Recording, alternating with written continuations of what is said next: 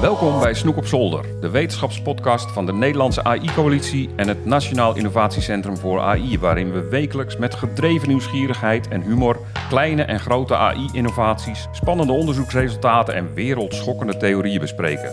Met als rode draad de vraag: waar staan we met AI en wat betekent dit voor jou en voor de samenleving? Mijn naam is Henny Huigens en mijn co-host is Sietse van Gorkom.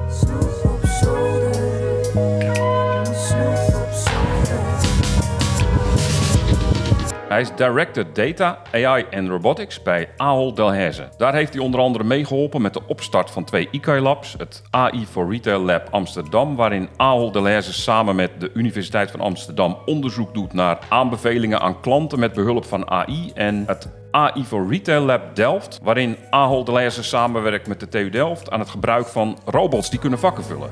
Genoeg om over te praten, denk ik. Welkom, Bart Voor.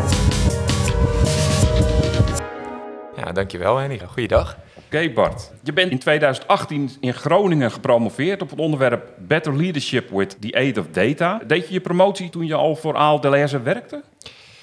Ja, dat is een beetje een, een lange historie uh, tussen mij en dit bedrijf. Ik begon ooit toen ik, uh, toen ik 15 was, volgens mij, als vakkenvuller. Oké.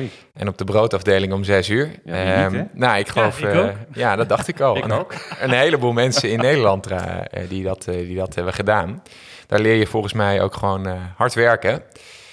Um, en bier drinken. Uh, dat, uh, oh, daar, daar, mag ik geen uitspraken over doen natuurlijk. Klopt. Dat mocht toen nog. Um, nee, ik, uh, ik werkte tijdens mijn promotie zeker uh, al bij Adel Hessen. Dus ik heb de helft van mijn tijd toen bij Adel Hessen gewerkt... en de helft aan de Rijksuniversiteit Groningen. Ik ben zelfs tijdens mijn promotie een tijdje assistent supermarktmanager geweest... in okay. Selwert in Groningen. Okay. Om ook echt te voelen hoe het is om op de vloer te staan...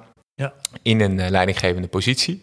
Nou, dat was een van de meest leerzame en leuke tijden, denk ik, die ik, die ik heb meegemaakt. Commando's geven aan 15-jarigen? Onder andere, maar uh, vooral ook uh, heel veel met klanten praten en gewoon zien welke rol een bedrijf uh, als het onze heeft in de samenleving. En dat is met medewerkers natuurlijk heel erg veel en hele... Nou ja, dat is voor veel mensen dus een, volgens mij wel een vormende ervaring als je daar gaat werken. Maar ook natuurlijk enorm veel klanten. Meer dan 50 miljoen per week uh, hebben we als aandeelhuizen. Dus we zijn echt geworteld in de samenleving. En toen dacht ik, oké, okay, hier wil ik wel door. Want ja. als je hier iets verandert, dan is de impact uiteindelijk op de samenleving potentieel gewoon best wel groot. Ja. ja. Uh, dus niet de politiek in, maar gewoon uh, bij Aalto Hersen gaan werken. Okay. Ja, en over mijn proefschrift, ja. Ik heb uh, gedragsonderzoek gedaan naar hoe gedragen leidinggevenden zich en hoe uh, kun je dat meten. Ja. En hoe kun je daarvan ook de relaties meten met uh, de medewerkers, maar ook bijvoorbeeld de resultaten van een winkel op klanten. En dat bracht me al een beetje in de hoek voor het gebruiken van data om eigenlijk betere besluiten te nemen. Uh, binnen het bedrijf. Nou, dat is een beetje uit de hand gelopen, want uh, daarom zitten we nu hier. Oké. Okay. Uh, hey, en, en speelde eh, AI al in een of andere vorm een rol daarin, of was dat? Nee, dat was, dit was, nou ja, ik denk in die zin wel dat ik voor het veld waar ik in zat heel veel data had verzameld. Ja. En er waren zoveel relaties mogelijk tussen al die uh, variabelen die ik had verzameld, dat je dat eigenlijk niet meer kon bedenken met je hoofd. Ja. Zeg maar. Dat is Ja. te complex. Dus ik denk dat ik wat eh, eh, kunstmatige intelligentie zeker eh, eigenlijk eh, goed had kunnen gebruiken in mijn onderzoek. Want Ik moest het nu zelf bedenken. Ja, het is grappig Eh, hoe dus dat het- werkt, hè? want dat, dat was bij mij ook zo. Ik, ik ben ook in die tijd gepromoveerd. En eh, ik heb wel het idee dat je nu ziet dat er bijna niemand meer een promotietraject doet... zonder dat er wel op een of andere manier iets van AI bij komt kijken. Heb, heb jij dat gevoel ook, dat dat heel snel aan het eh, veranderen is nu? Ik hoop het wel eigenlijk. Want ik denk dat technologie ook in de wetenschap gewoon ons ontzettend kan helpen met, eh, met vooruitgang en ook grotere stappen maken. Dus het feit dat er nog heel veel artsen bijvoorbeeld hele klassieke statistische studies doen. Ja. Die mensen moeten gewoon arts zijn en doen waar ze heel goed in zijn. Ja. En daar moeten we veel meer nog technologie gebruiken om bijvoorbeeld de patronen in die onderzoeken en in die datasets eh, te zien. Dus ik denk dat eh, ik hoop dat de wetenschap en ook het, het onderzoek in de wetenschap eh, en dan het onderzoek bijvoorbeeld ook in, ehm, eh, in de sociale vakgebieden of in de geneeskunde dus, waarbij we traditioneel nou ja, zelf in, in statistische programma's een beetje zaten te rommelen, dat dat gewoon echt wordt ondersteund door, door AI meer en meer. Nou heb jij een achtergrond in gedragsonderzoek. Zie je dat in dat vakgebied de zaken ook heel erg aan het veranderen zijn? Of Meer en meer, dat denk ik wel. Dus dat vakgebied ontwikkelt zich eh, gelukkig ook. Ehm, en er zijn natuurlijk bijvoorbeeld ook heel veel manieren nu om menselijk gedrag op andere, uh, op andere manieren te meten. Dus vroeger ging dat allemaal via vragenlijsten. Ja. Nou, nu kun je zien waar iemand klikt of uh, waar iemand kijkt. Je kan natuurlijk op hele andere manieren nu gedrag in kaart brengen. Ja. Um, maar waar denk ik traditioneel de wetenschap vaak voorop loopt in, in nieuwe methoden ontwikkelen, um, is dat in dat vakgebied niet zo. En wordt dat vakgebied nu um, in ieder geval een zetje geholpen, denk ik, door uh, de gebieden in de wetenschap die daar traditioneel helemaal niet mee bezig waren. Dus als jij in information retrieval heel goed bent nu, dan kun je ook heel goed gedragsonderzoek doen. Ja. Um, en dat is andersom niet zo. Ik denk wel nog steeds dat goede gedragsonderzoekers ook heel veel context kunnen geven. Dus alleen maar data gebruiken voor iets, dat is uh, risicovol en ik denk ook niet altijd de juiste manier. Dus je hebt nog steeds wel de context van een veld nodig. Bijvoorbeeld een arts of een gedragsonderzoeker. Maar die kunnen wel heel veel geholpen worden nu door de technologieën die uit een ander vakgebied ontwikkeld worden. Ja. Dat vind ik ontzettend leuk. Ja. ik moest daar wel aan denken toen ik dit gesprek aan het voorbereiden was. Want toen dacht ik aan uh, Arjan Lubach met zijn fixte fuik uh, gedachte. Van die algoritmes die, die je eigenlijk meetrekken in die je daarvoor eigenlijk al maakte, maar die, die worden eigenlijk versterkt. Uh, dus bijvoorbeeld als ik een rode trui koop bij Zalando, dan krijg ik de, de maanden daarna krijg ik iedere keer rode trui aangeboden. Bij Netflix krijg ik op dit moment alleen maar uh, enge Zweedse krimis langs uh, gegooid. En dus nu zat ik te bedenken van hoe denk jij daarover als je daar vanuit Ahold Delhaize naar kijkt van hoe kom je nou uit die fuik waarbij je klanten van jullie dingen aanbeveelt en dat zijn dan dingen die eigenlijk zaken zijn die ze daarvoor al heel graag kochten. Maar ik als klant ben eigenlijk ook wel heel erg blij als ik een iets aanbevolen krijg wat een verrassing Iets anders. Ja, nou, ik denk dat wij daar echt een ontzettend leuke uitgangspositie hebben. En dan moet ik je wat historische context geven. Want okay. uiteindelijk is technologie. Uh, doet, het, doet het misschien meer of beter van iets wat we al deden. Dus als jij vroeger in de winkel kwam.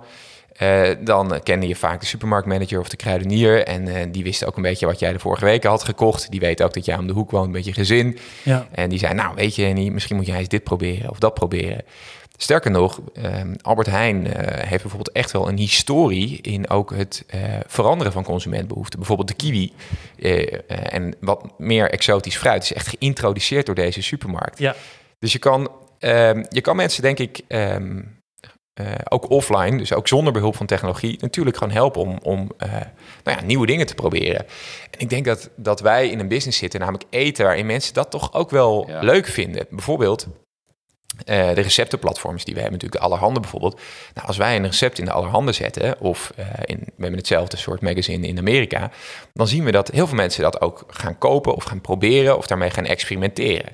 Nou, als wij het dan ook heel makkelijk maken om bijvoorbeeld dan uh, die producten even op je lijstje te zetten, dat ja. je de winkel ingaat of je krijgt het meteen thuis bezorgd, dan denk ik dat wij een juiste rol hebben om mensen te laten, nou ook wat te verrassen. Uh, of te, te, laten experimenteren met, met andere, uh, andere vormen van eten in dit geval, of ja. andere producten proberen. En je ziet ook dat uh, als je in kookboekjes van 20 jaar geleden gaat kijken, dat daar deels dezelfde recepten in staan, maar met andere ingrediënten. Bijvoorbeeld koffiemelk of zo, dat je dat in plaats van room, ja. van die dingen die iedereen in huis had. Lekker met margarine. Heerlijk. ja, precies. Ja, maar veel... Wordt niet meer verkocht, denk ik, joh veel meer op een manier van de producten die, die toen die toen, waren. Ja. Ja. En ik denk dat er een heel goed voorbeeld is ook bijvoorbeeld uh, in België hebben we net een initiatief gelanceerd met Delhaize, uh, waarbij we mensen ook extra korting geven als ze gezonde producten kopen. Ja. Uh, dus dat is een enorme verantwoordelijkheid die je als bedrijf hebt en die, worden, die nemen we ook niet, denk ik, licht op. Is dat je een hele grote impact hebben op het dagelijks leven en de dagelijkse patronen van mensen. En op dit geval, in, in ons geval is dat vaak op het, op het gebied van voedsel. Ja. En dat is heel persoonlijk. Het is ook iets heel persoonlijks. Hè? Wat jij je kinderen eten, wat jij je kinderen aan eten geeft of zelf in je mond stopt. Daarvoor moet je heel veel vertrouwen hebben in de partij die dat eten aanbiedt. De voedselkwaliteit moet hoog zijn. En datzelfde zien wij eigenlijk met technologie. Dus mensen moeten ons ook kunnen vertrouwen als partij dat wij het juiste aanbevelen, dat we netjes met hun data omgaan. En de rol in het nemen van besluiten over eten, ja, die zien we eigenlijk bijna hetzelfde als voedselveiligheid. Dus wij ja. moeten kwaliteit kunnen garanderen. Ja. En mensen moeten ons ook kunnen vertrouwen. Ja, ja dat is belangrijk inderdaad.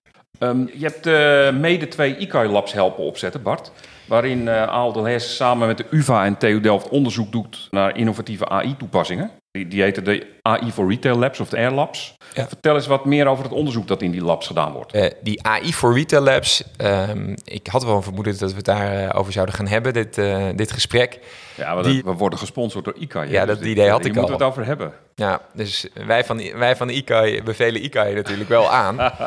Ehm, nee, die, die ICAI Labs dat, die zijn op een hele mooie manier tot stand gekomen in 2018. En ehm, voor de luisteraar klinkt dat misschien gek, maar een groot retailbedrijf eh, als het onze, wat, wat echt uit, eh, uit food retail eh, voortkomt, heeft niet per se hele grote onderzoeksafdelingen.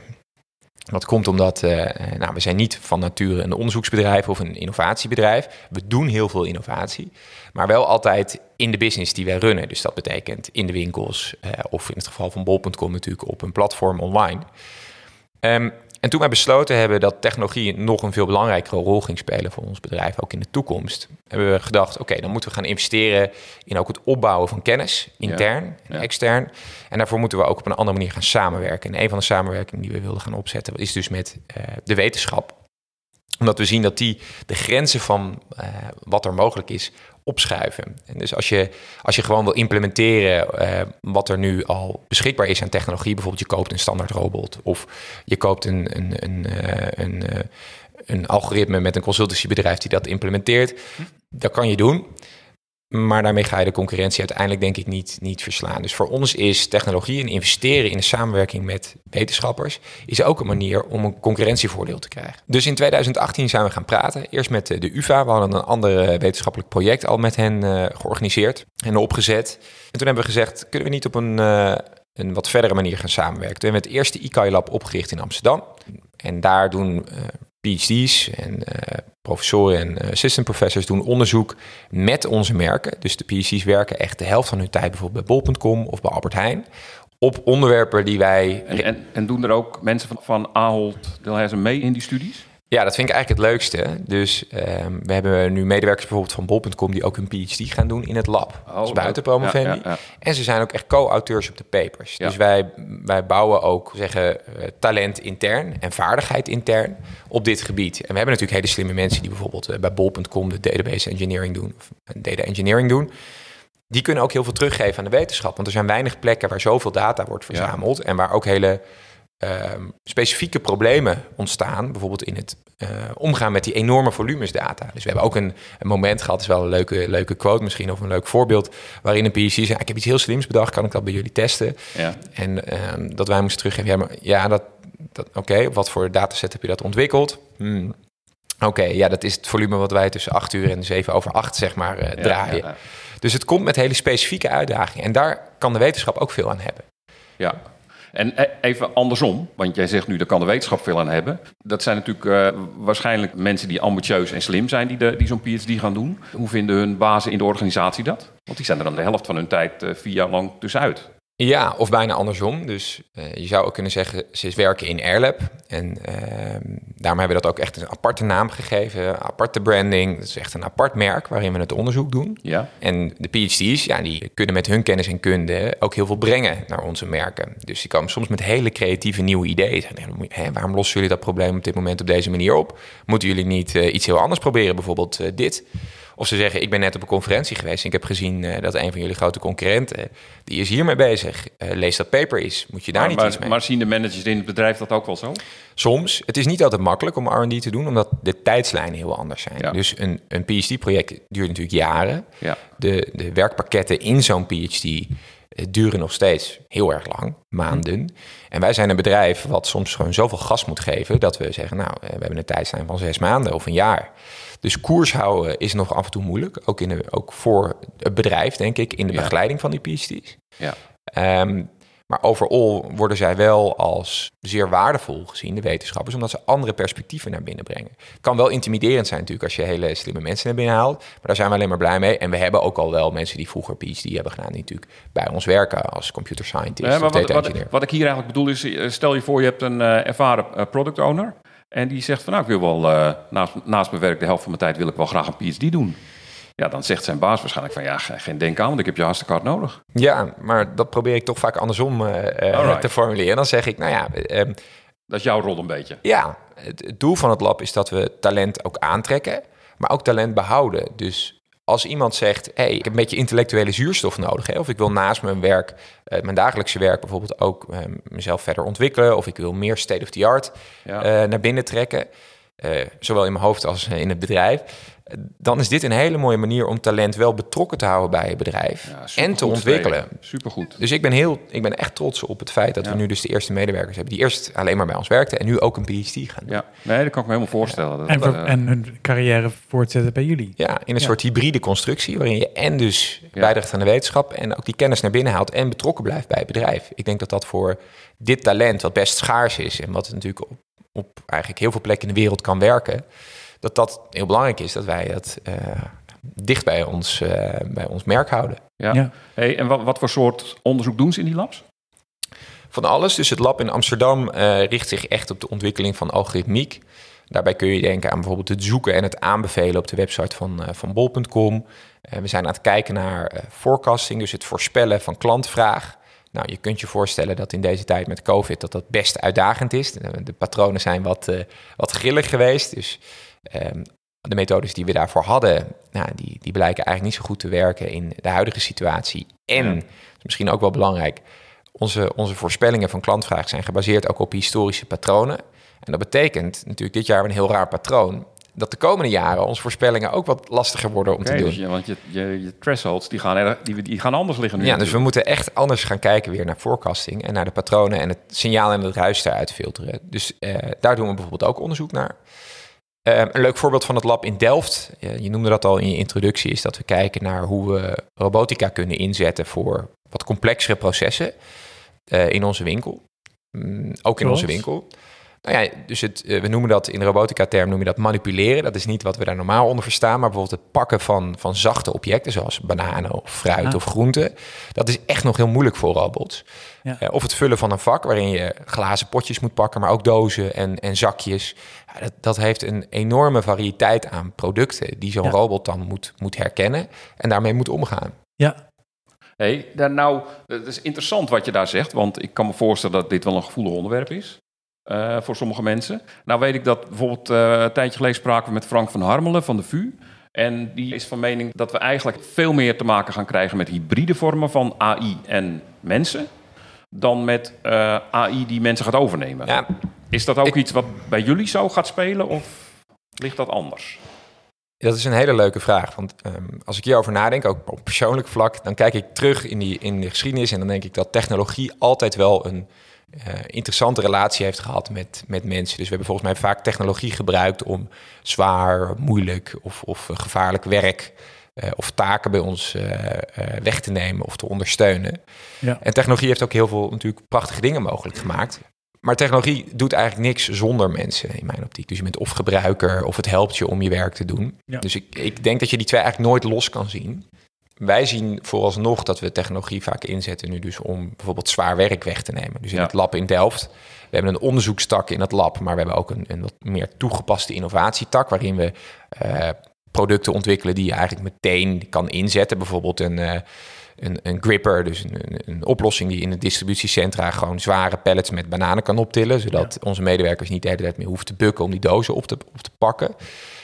Nou, dat vind ik een mooi voorbeeld waar je technologie inzet en zegt dat maakt eigenlijk het werk beter of makkelijker. En ik denk dat dat vooralsnog ook eh, in de toekomst zeker zo zal blijven. De taken die we doen in winkels bijvoorbeeld, die zullen sowieso veranderen. Dat Ja. is ook de afgelopen jaren al gebeurd. Bijvoorbeeld met de introductie van de zelfscan, eh, tot aan de flessenautomaat, eh, tot aan überhaupt de introductie van de kassa.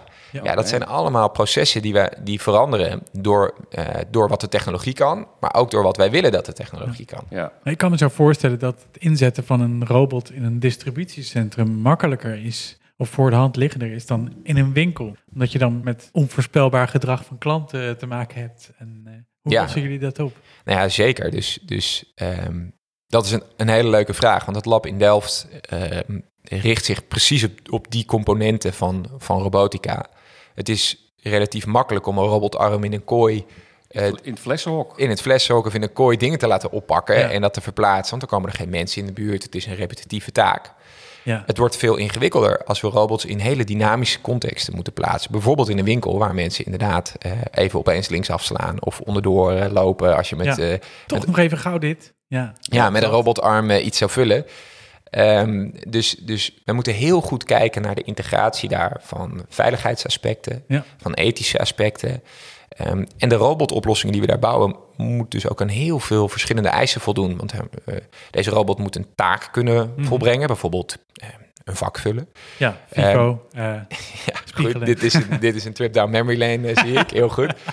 Ehm, maar, moeten ook kunnen rondrijden in een context waar kinderwagens rondrijden, eh, waar klanten met wagentjes rondrijden. Dus die ro- robot moet adaptief zijn, Ja. ook gedurende de taken die hij uitvoert. En de PhD's in het lab in Delft eh, doen dus allemaal verschillende stukjes. We hebben een PhD die werkt echt alleen maar aan de hand, de gripper noemen we, die bijvoorbeeld bepaalde objecten moet oppakken. We hebben een PhD-plek die alleen maar kijkt naar hoe moet zo'n arm van zo'n robot dan bewegen. Ja. En hoe beweegt die samen met de basis die rondrijdt, een, een Ja. mobiele basis.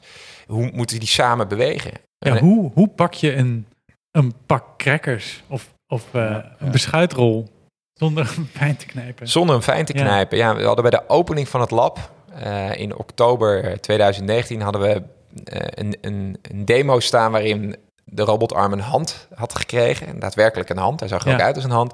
En je kon hem een hand geven en hij kon ook een banaan oppakken. Nou, de- sommige mensen keken dat Moet je filmpje. keer nadenken voordat je zo'n robot een hand geeft, hè? Ja, maar ik denk dat niet veel mensen dat beseffen. Die zien gewoon een hand en denken, ja, die schud je gewoon. Ja. Maar de tactiliteit die een Ja, hand ja. moet hebben, dat luistert heel gevoelig, eh, heel Ja. fijn. Dus de, de, de onderzoekers sprongen een gat in de lucht, zeg maar, toen, ze, eh, toen, toen die demo draaide. En, en Ja. ik had eh, mensen die kwamen kijken van bedrijven, zeiden, ja, hij geeft een hand. Wat is daar nou speciaal aan? Dus Mhm. soms is technologie ziet er heel simpel uit. En vooral met, met robots is dat heel, denk ik, eh, verleidelijk om te denken... oh, hij rijdt daar al rond, hij doet al iets met een vak. Dat kan volgend jaar in de winkel staan. Ja. Ja. Maar de tijdslijnen waarover we praten voor dit onderzoek zijn echt veel langer. Dus voordat dit een oplossing is die bij ons echt in de winkel kan, kan draaien... praten we echt over jaren Ja. totdat we Ja. dit kunnen implementeren. Maar dat is een, ja, Jaren, als in 10 jaar, 15 jaar? Nou, ik denk iets korter dan, Ja, eh, dan tien jaar. heel lang, ja. Eh, Want de, er zijn veel mensen mee bezig. Ja. Ehm, en dit, eh, Bart, wat, wat, wat zijn de achtergronden van die PhD-studenten die bij jullie rondlopen? Zijn dat allemaal computer science mensen of juist ook uit hele andere hoeken? ook uit andere hoeken. Ehm, en dat is, ik vind het bijvoorbeeld heel interessant. In Delft moeten ze heel goed nadenken over een soort brein wat in die robot komt. En hoe een robot redeneert. Dus ze kunnen lang niet meer alle opties programmeren waarin die robot eh, moet bewegen, moet, eh, een taak moet doen, bijvoorbeeld in zo'n winkel. Mhm. Ehm, nou, dus daar zijn ze bezig met een combinatie van perceptie, van reasoning. Dus echt de, de architectuur maken voor zo'n robot. En dat hij dat ook, eh, nou, dat hij niet elke keer een kwartier stilstaat om na te denken: wat is nu de volgende actie die ik moet verrichten.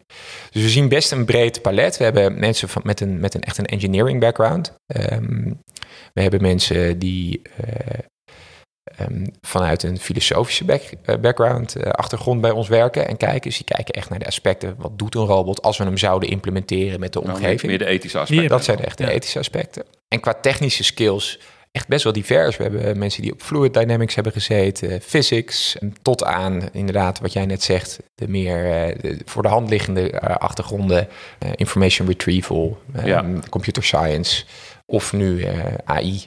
Ja, het, maar het is ja. interessant om te zien dat, dat ook binnen die universiteiten dat, eh, dat eigenlijk iedere student op, op dit moment een eh, data science component meekrijgt in zijn studie. Ja, dat is wel echt iets anders. Ik zie weinig mensen met een data science achtergrond bij ons. En dat is omdat ik data science meer toegepast zie worden in ons bedrijf. Maar ook op de universiteit. Daar leer je volgens mij meer toegepaste skills. Ja, En de onderzoekers die wij hebben zitten, ja, die zijn toch best wel diep technisch op een bepaald domein. Dus dan Ja. zit je echt op diep technisch AI of wiskunde. ehm, ehm, of dus natuurkunde. Dus die moeten, die moeten op heel conceptueel niveau begrijpen met wat deze science doet. bedoel jij van mensen die weten hoe ze om moeten gaan met de grote hoeveelheden data die bij jullie in dat hele proces naar boven borrelen. Ja, en, en ik zie dat toch wel iets meer naar de toepassing eh, geschoven worden. Dus ehm, echt het ontwikkelen van nieuwe vormen van technologie die nodig Ja. zijn, nou, dat is echt fundament, bijna fundamenteel onderzoek Ja, wat ze doen. Ehm, en dat doen we in een toegepaste context in onze labs, natuurlijk. Ehm, maar de data science eh, hoek zit volgens mij meer inderdaad het omgaan met grote hoeveelheden data en daar eh, toepassingen voor vinden, bijvoorbeeld met analytics, daar patronen in, in zoeken of ehm, ja, misschien toch een aanbevelingsalgoritme ontwikkelen. ja. Maar de diepere kennis die de PhD's nodig hebben om in een specifiek domein bij ons eh, zich te ontwikkelen, ja, die zit toch wel vaak in een wat meer eh, fundamentele hoek, denk Ja. ik. Heel leuk om te horen, Bart. Ja. Ehm Sietse, we gaan naar de muziekrubriek, eh, geloof ik, hè? Eh, ja, we hebben dus een hele leuke muzikale gast in onze muziekrubriek. Ik heb Kirsten Berks aan de telefoon, eh, zangeres en tekstschrijver. Hoi. Hallo. Hallo. Eh, je hebt een liedje geschreven over Sophia, de humanoid, of, ofwel social robot. Wat intrigeert jou nou zo om daar iets over te schrijven? Mm, nou, toen jij eh, vertelde dat je een podcast ging maken over artificial intelligence, toen moest ik meteen denken aan Sophia. Want ik weet eigenlijk heel weinig van artificial intelligence, behalve dus mijn telefoon en dergelijke. Maar eh, het eerste waar ik dus toen aan dacht was, oh, Sophia. En Sophia is een soort Instagram model der robot. Ze, is, eh, ze ziet er super Ja. menselijk uit. Ze hebben haar gezicht gegeven en ze heeft uitdrukkingen en ze kan grapjes Ja. maken en ze kan met je kletsen. En Ik heb haar even opgezocht. Ik eh, zag eh, een filmpje van eh, bij Jimmy Fallon dat ze een potje steenpapier schaar deed. Ja. Nu is steenpapier schaar natuurlijk een soort algoritme en is natuurlijk een beetje vergelijkbaar met een spelletje schaak spelen met je Ja. computer. Maar het feit dat ze zeg maar kan reageren op grapjes met gezichtsuitdrukkingen Ja. en dat je gewoon vergeet, heel snel vergeet, dat je naar een robot zit te kijken. Ehm, I don't know. Ja. Ik vind het een bizar iets eigenlijk. Ja, ja dat is heel interessant. Bart, heb jij iets met eh, eh, social robots? Eh, ken jij Sophia? Ik, ik was even bang of de vraag, dat ik de vraag kreeg, heb ik iets met Sophia? Maar eh, ehm, nee, wat ik interessant vind is dat het, eh, dat het heel veel doet met mensen als ze zien dat, dat technologie heel dicht bij een menselijk iets komt. Dus nu ze Ja. zien dat de grenzen eigenlijk vervagen, krijgen sommige mensen daar ook een beetje een, eh, een unheimlich gevoel bij. En dat, Ja. en dat snap ik wel, eh, omdat het heel zichtbaar wordt in robots. Maar het gekke is natuurlijk dat technologie al heel lang heel veel doet met onze omgeving en onze levens. Alleen als het in een robot zit, dan wordt het opeens zo tastbaar dat we daar anders naar kijken dan denk ik dan... Ja, dan met name een menselijk uitziende robot. Ja, menselijk uitziende robot. Dus niet Ja. een arm die iets vult in onze, hè, dat is even Ja. mijn context. Maar iets wat er heel menselijk uitziet. En dan denken mensen opeens, wauw, eh, oeh, eh, wil ik dit? Of, oh, nou, eh, het is interessant. Ze moeten ze over hele andere dingen gaan nadenken. Namelijk ook, wat betekent het dan nog om een mens te zijn eh, Ja. in de relatie met technologie? En dat Ja. is denk ik een, een, een heel mooi perspectief om, om toch ook technologische ontwikkeling mee te Ja, bekijken. Dat, vind ik ook een hele interessante en filosofische benadering. Is dat ook een beetje de insteek van jouw liedje, Kirsten? Nou ja, alles wat we doen is tegenwoordig in, in relatie tot technologie. Want wat ik al zei, we kunnen niet meer zonder onze telefoon. En die leest onze vingerafdruk en die leest ons gezicht. En, en zonder Alexa en Siri en Google ehm, en, en slimme huizen die, die je licht aanklikken op het moment Ja. dat jij binnenkomt. En dan komt er ineens iemand die grapjes maakt en die spelletjes met je speelt op zo'n menselijk niveau. En mijn brein snapt dat dan niet meer of zo. Ja.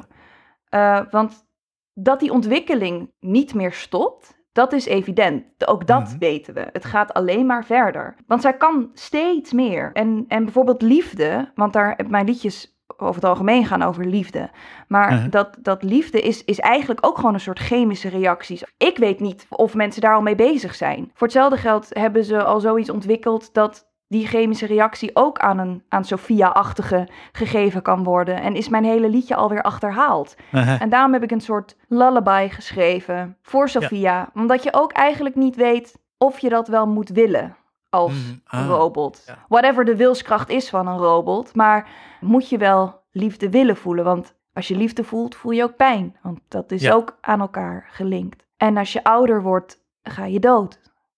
En hoe gaat dat? Hoe voelt, hoe voelt een robot dat? Met eigenlijk een soort oneindig leven Ja. of zo, denk ik. Ja, Ja, totdat Apple bedenkt dat je niet meer goed genoeg bent voor de updates. precies.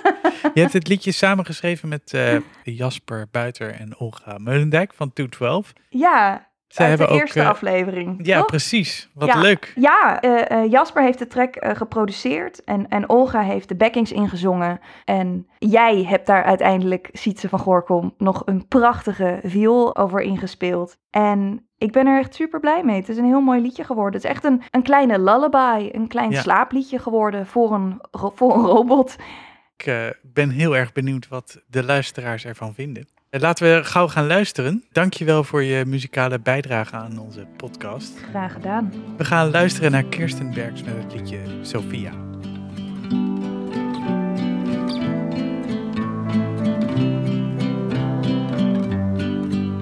There's so much more about dreaming than the knowledge of skies up above.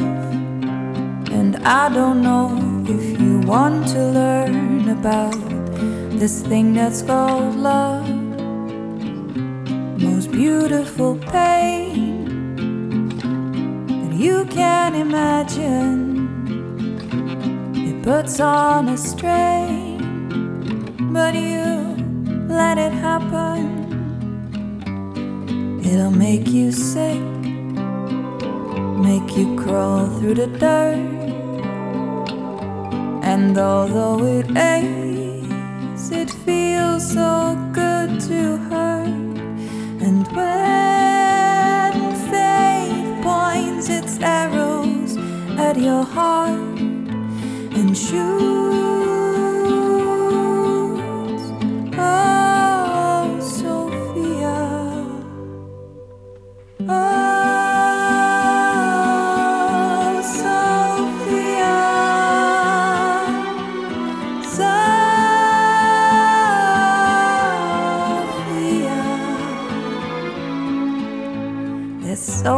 more about longing than holding a hand in the night.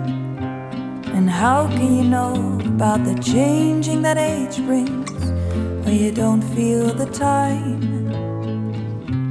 Where hair slowly grays and skin slowly wrinkles. But you can read all of the pain in eyes tears that were cried in the years that have passed.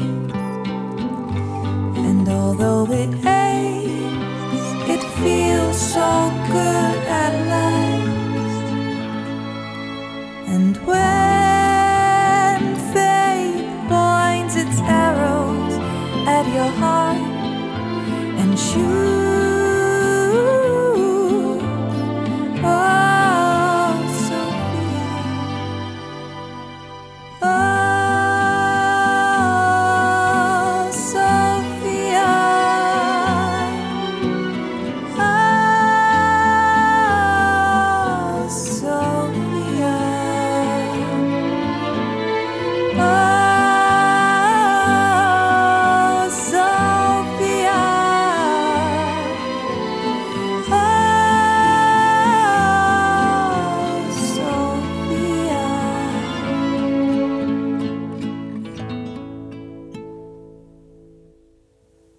dit is prachtig. Ja, leuk. Mooi, hè? Ja, Ja. ik vind eh, Ik moet meteen denken aan, eh, aan Reur eigenlijk. Dat programma van Jan Lem. Nee, Rossum's Universal Robots.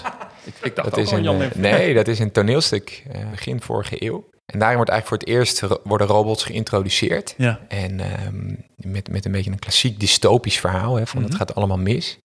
En de laatste pagina van het boek staat ook iets over robots die emoties gaan voelen. Hm. En eigenlijk, nou, je kan, hè, dus eh, even spoiler alert, het, hele toneelstuk, wat ook een, een, boek, eh, een boek is natuurlijk, is, is redelijk eenvoudig qua lijn. Namelijk, iemand denkt, als we nou gewoon robots bouwen die al het saai, gevaarlijke werk voor ons gaan doen, kunnen wij alleen maar muziek maken, liefhebben, poëzie schrijven als mensheid. Ja. Totdat dus op de allerlaatste pagina's, eh, nou de robots nemen de wereld halve over natuurlijk. En op de allerlaatste pagina sluit het eigenlijk af met robots die ook emoties gaan voelen. Dus eh, Ja. dat was een, een, een voorzienigheid van eh, meer dan 100 jaar geleden uit mijn hoofd. Of jeetje. 100 jaar geleden ongeveer. Nou, ik, ik ga het meteen nakijken straks, eh, Bart. Nog even een kort vraagje. Via Kickstart AI wil Aal Delhaize samen met vier andere grote Nederlandse bedrijven, de ING, KLM, de NS en Philips, AI een boost geven. Eh, Loopt dat initiatief nou een beetje of eh, wat, me- wat merken we daarvan? Wat merken we daarvan? Dat is een goede vraag. Nee, dit initiatief hebben we opgericht, ehm, ik denk iets meer dan een jaar geleden hebben we dat aangekondigd. Oktober, ja. Ja? Toen we gezegd, we zien echt wel een probleem in eh, wat betreft AI in Nederland. Nou, dat, dat is een analyse die inmiddels eh, eh, meer mensen gelukkig hadden gemaakt. Dus dat is Mhm. goed. Maar we hebben ook gezegd, nou, met die bedrijven kunnen wij misschien wel iets anders doen dan de overheid kan of dan dat stichtingen kunnen. Ehm, dus laten we onze kracht gebruiken om AI een zetje te geven. En we hebben gezegd, we gaan dat op een paar manieren doen. We gaan zorgen dat talent in Nederland blijft of naar Nederland komt door 25 eh hoogleraarposities eh, aan te bieden in Ja. samenwerking met universiteiten. Nou, wij hebben daar bijvoorbeeld als ADHS 2 uh, nu ingevuld. En uh, we hebben iemand aangetrokken die, die uh, daarvoor nog bij een, een, grote concurrent uit Amerika werkt. Oké, okay, dus achter de schermen gebeurt daar al heel veel. Zeker, er zijn al meerdere mensen benoemd, dus dat is hartstikke goed. Dat is op, het, okay. op, het, op dat stuk dat we professoren aantrekken, dus echt talent naar Nederland halen.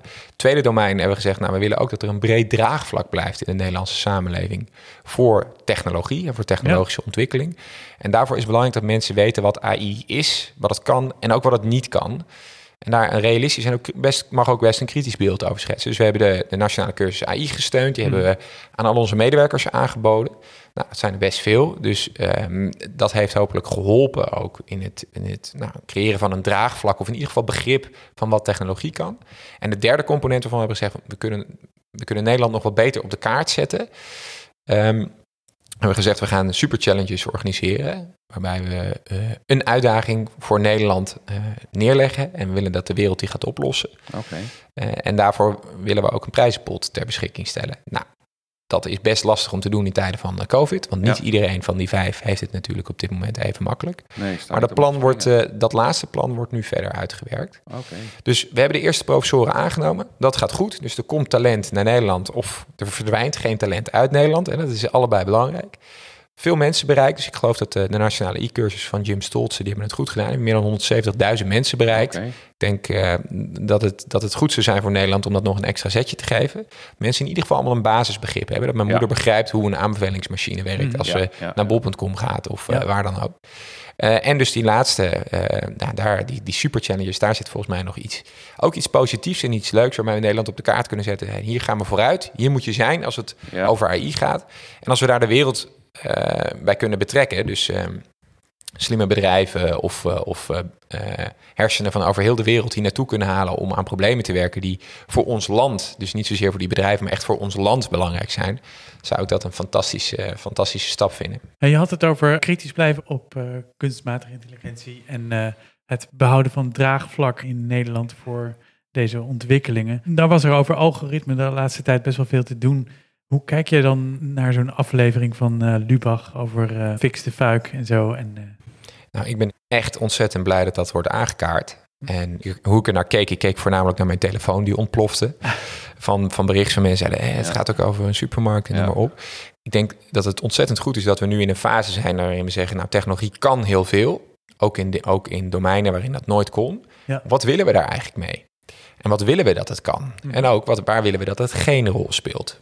En ik denk dat eh, eh, recente verkiezingen geven daar een mooi voorbeeld van. Dat de verantwoordelijkheid die technologieplatformen hebben, die wordt steeds bespreekbaarder. En er wordt niet meer, eh, dat wordt niet meer weggemoffeld met, ja, we zijn, het is een neutrale technologie. Technologie Ja.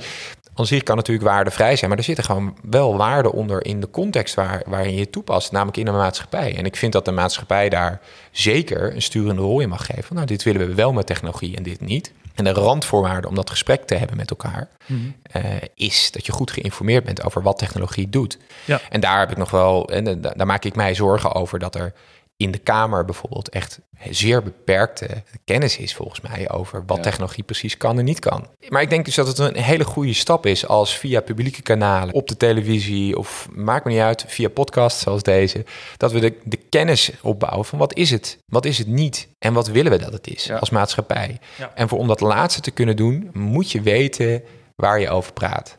Ja, het leuke, leuke Bart is dat zelfs mijn vader van 92, die, eh, die luistert naar de podcast. Hè? Hey, nou. Bab, ik wil even gedag Ik zeggen. wil zeggen, dit is een eh, shout-out naar Ja. eh, Huygen senior. Eh, we zijn aan het einde van de aflevering, jongens. Eh, mocht je het leuk vinden om meer te lezen over kunstmatige intelligentie, kijk dan eens op de website van de Nederlandse AI-coalitie, nlaic.com. Daar vind je het laatste nieuws over AI in Nederland, een agenda met allemaal interessante events over AI en nog veel meer. En wil je verder lezen over de twee ICAI-labs van Ahold Delhaize of andere labs, eh, dan kun je ook eens kijken naar de website van ICAI, dat is ikai.ai. En verder nog wat reclame voor het AI in Practice programma dat een week geleden gestart is op edX.org. Geweldig leuk opleidingsprogramma voor iedereen die wil leren hoe je een plan maakt om in je eigen organisatie AI te gaan toepassen. Je kunt nog meedoen, dus meld je snel aan op edx.org en dan zoeken op AI in Practice. Zou ik doen hoor. Nou, dankjewel.